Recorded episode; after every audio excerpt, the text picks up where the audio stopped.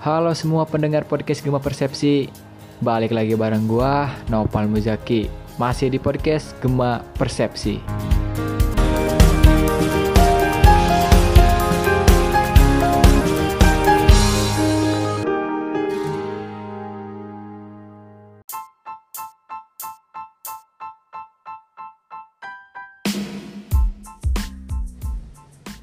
Di episode ini, gue mau ngelanjutin episode sebelumnya tentang kisah perebutan rempah di Nusantara, di mana sebelumnya Malaka telah dikuasai oleh Portugis. Namun, ketenangan Portugis pasca menyingkirkan Spanyol di Nusantara tidak bertahan cukup lama. Hal ini dikarenakan kedatangan bangsa Eropa lain ke Nusantara untuk mencari kekayaan, monopoli perdagangan, dan mencari daerah jajahan yang kaya akan sumber daya alam. Jika kita tracking ke belakang, di abad ke-16, di Eropa banyak negara yang mengalami revolusi. Di Belanda sendiri ada Dutch Revolt, yaitu revolusi Belanda. Ini terjadi di negara-negara Low Countries, sebutan bagi negara-negara yang berada di pesisir Laut Eropa. Selain adanya perang di dalam negeri, Belanda juga berkonflik dengan Lisbon. Hal ini dikarenakan monopoli rempah yang dilakukan oleh Lisbon membuat Belanda kesulitan dalam mendapatkan rempah.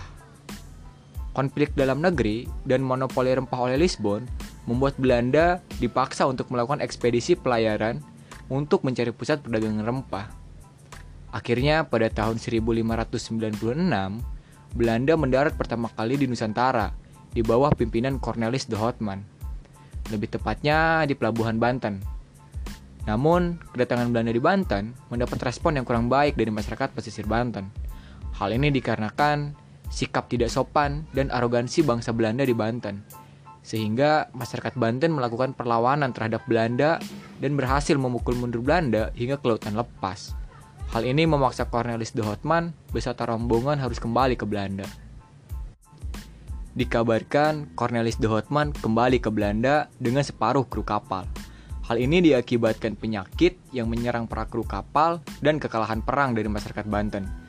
Meski Cornelis de Houtman pulang dengan kekalahan, namun wawasan mengenai keberadaan Space Island atau Pulau Rempah sudah sampai ke telinga para saudagar yang ada di Belanda. Hal ini membuat para saudagar di Belanda menyadari bahwa ini bukan saatnya terpecah dalam persaingan dagang. Berita dari Cornelis de Houtman tentang keberadaan Space Island membuat Belanda mendirikan kongsi dagang pada tanggal 20 Maret 1602 yang diberi nama Friendrich Oost Indies Company atau biasa disebut VOC. Para saudagar Belanda menyadari akan kuatnya mereka ketika mereka bersatu. Semangat persatuan saudagar dan pemerintah Belanda untuk membentuk POC dilatar belakangi oleh biaya pelayaran yang cukup tinggi dan pelayaran yang jauh dari Belanda ke Nusantara, serta ancaman bajak laut dan fluktuasi harga komoditas rempah. Semua itu penuh resiko tinggi jika tak dihadapi dengan semangat persatuan. VOC yang dipelopori oleh Prince Maurits dan Orden Barneveld merupakan hasil merger dari empat perusahaan besar di Belanda, yakni Barbara Tech Company, Company Van Ver, Company Candemarch, dan First Company.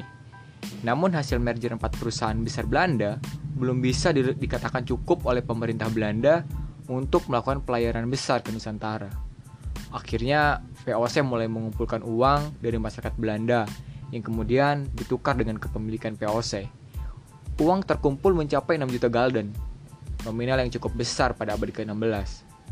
Hal inilah kemudian membuat POC menjadi perusahaan publik pertama yang IPO dan menjadikan Amsterdam sebagai bursa saham pertama di dunia. Aset yang dimiliki POC cukup besar, terdiri dari 150 kapal dagang, 40 kapal perang, 50.000 pekerja, dan 10.000 personil militer. Ekspedisi kedua Belanda pasca kembalinya de Houtman sebetulnya sudah dilakukan dua tahun sebelum dibentuknya POC, yaitu pada tahun 1598 yang dipimpin oleh Jacob van Heck. Tahun-tahun berikutnya, kekuatan Belanda di Nusantara berkali-kali lipat dengan manajemen militer dan keuangan yang kuat di awal berdirinya POC. 17 tahun kemudian, 1619, POC mendirikan benteng di Batavia, Jakarta, sekaligus menjadikan Batavia sebagai pusat administrasi terbesarnya di Asia Tenggara. Hal ini dilakukan POC dikarenakan melimpahnya hasil bumi di Nusantara tidak dapat dimobilisasi dengan cepat ke Belanda. serta lebih terpusat untuk mendistribusikan hasil bumi ke negara-negara pembeli. Masa keemasan POC dimulai tahun 1623 saat perdagangan dan monopoli POC menguat di Asia. Memang pada saat itu Batavia dan Nusantara merupakan wilayah paling sentral dalam memberikan keuntungan bagi POC. Dan POC berkembang pesat hingga menjadi perusahaan terbesar yang pernah ada dalam sejarah manusia hingga kini. Nilai aset POC jika ditotal saat ini setara dengan gabungan 20 perusahaan terbesar di era modern saat ini, seperti Apple, Facebook, Microsoft, dan lain-lain. Kesuksesan POC di Nusantara membuat pemerintah Belanda memberikan hak monopoli di Asia. Ini membuat keuntungan dari penjualan rempah-rempah POC meningkat pesat, 14 hingga 17 kali lipat dari harga di Nusantara. Tahun 1640, POC ekspansi wilayah Nusantara ke Malaka di bawah pimpinan Laksamana Flimsona Kartex. Hal ini dikarenakan harta karun rempah terbesar ada di Malaka. Namun Malaka telah lebih dulu dikuasai oleh Portugis dan perang pun pecah antara Belanda dan Portugis. Sebelumnya, Belanda meminta bantuan pada Kesultanan Johor dengan kesepakatan pemerintahan Malaka dikuasai oleh Belanda dan Belanda tidak menyerang dan berperang dengan kerajaan-kerajaan Melayu. Portugis juga yang sebelumnya telah banyak berperang dengan kerajaan-kerajaan lokal di Malaka membuat sumber daya Portugis menipis Belanda yang dibantu oleh Kesultanan Johor dan sumber daya Portugis yang mulai menipis, akhirnya satu tahun berselang pada tahun 1641, Belanda berhasil menguasai Malaka. Malaka dan Jawa di bawah kendali POC, selain kebijakan tanam paksa, POC juga menerapkan kebijakan kontingenten dan hak ekstripasi. Kontingenten adalah kebijakan POC atas pajak yang ditentukan oleh POC sendiri. Jadi, rakyat membayar pajak dengan hasil bumi dan besarannya ditentukan oleh POC.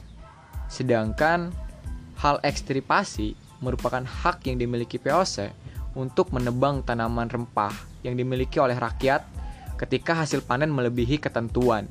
Hal ini dilakukan POC untuk menjaga kestabilan harga rempah di pasaran.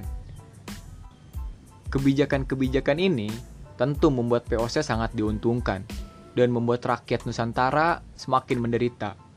Pada tahun 1660, POC berhasil menguasai pelabuhan Sumatera dan berhasil mengusir Portugis.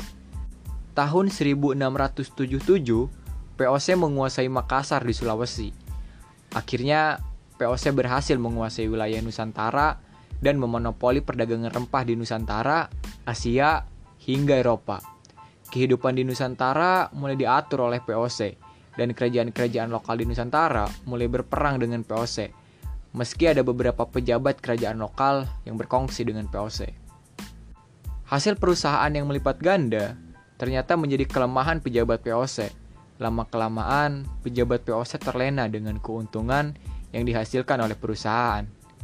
Hal kecil inilah yang membuat persaingan antar pejabat POC untuk mendapat keuntungan yang lebih besar di dalam internal POC.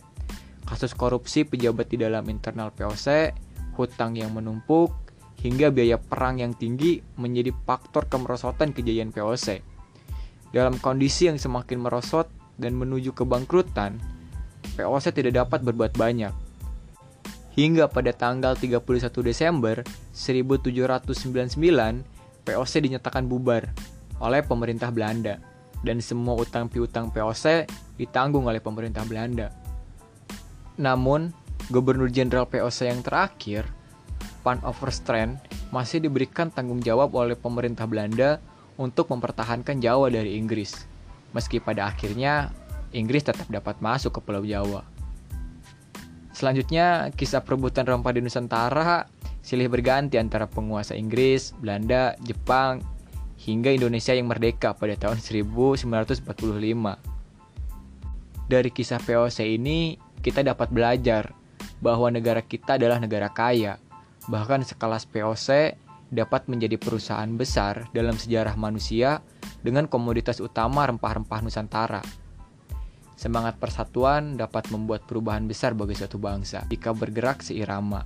dan kejayaan suatu bangsa dapat runtuh jika masyarakatnya terpecah dan berkonflik karena materi. Oke guys, jadi itu tadi adalah rekam jejak kisah singkat POC di Nusantara. Gua Nopal Mujaki pamit undur diri, sampai bertemu di episode berikutnya.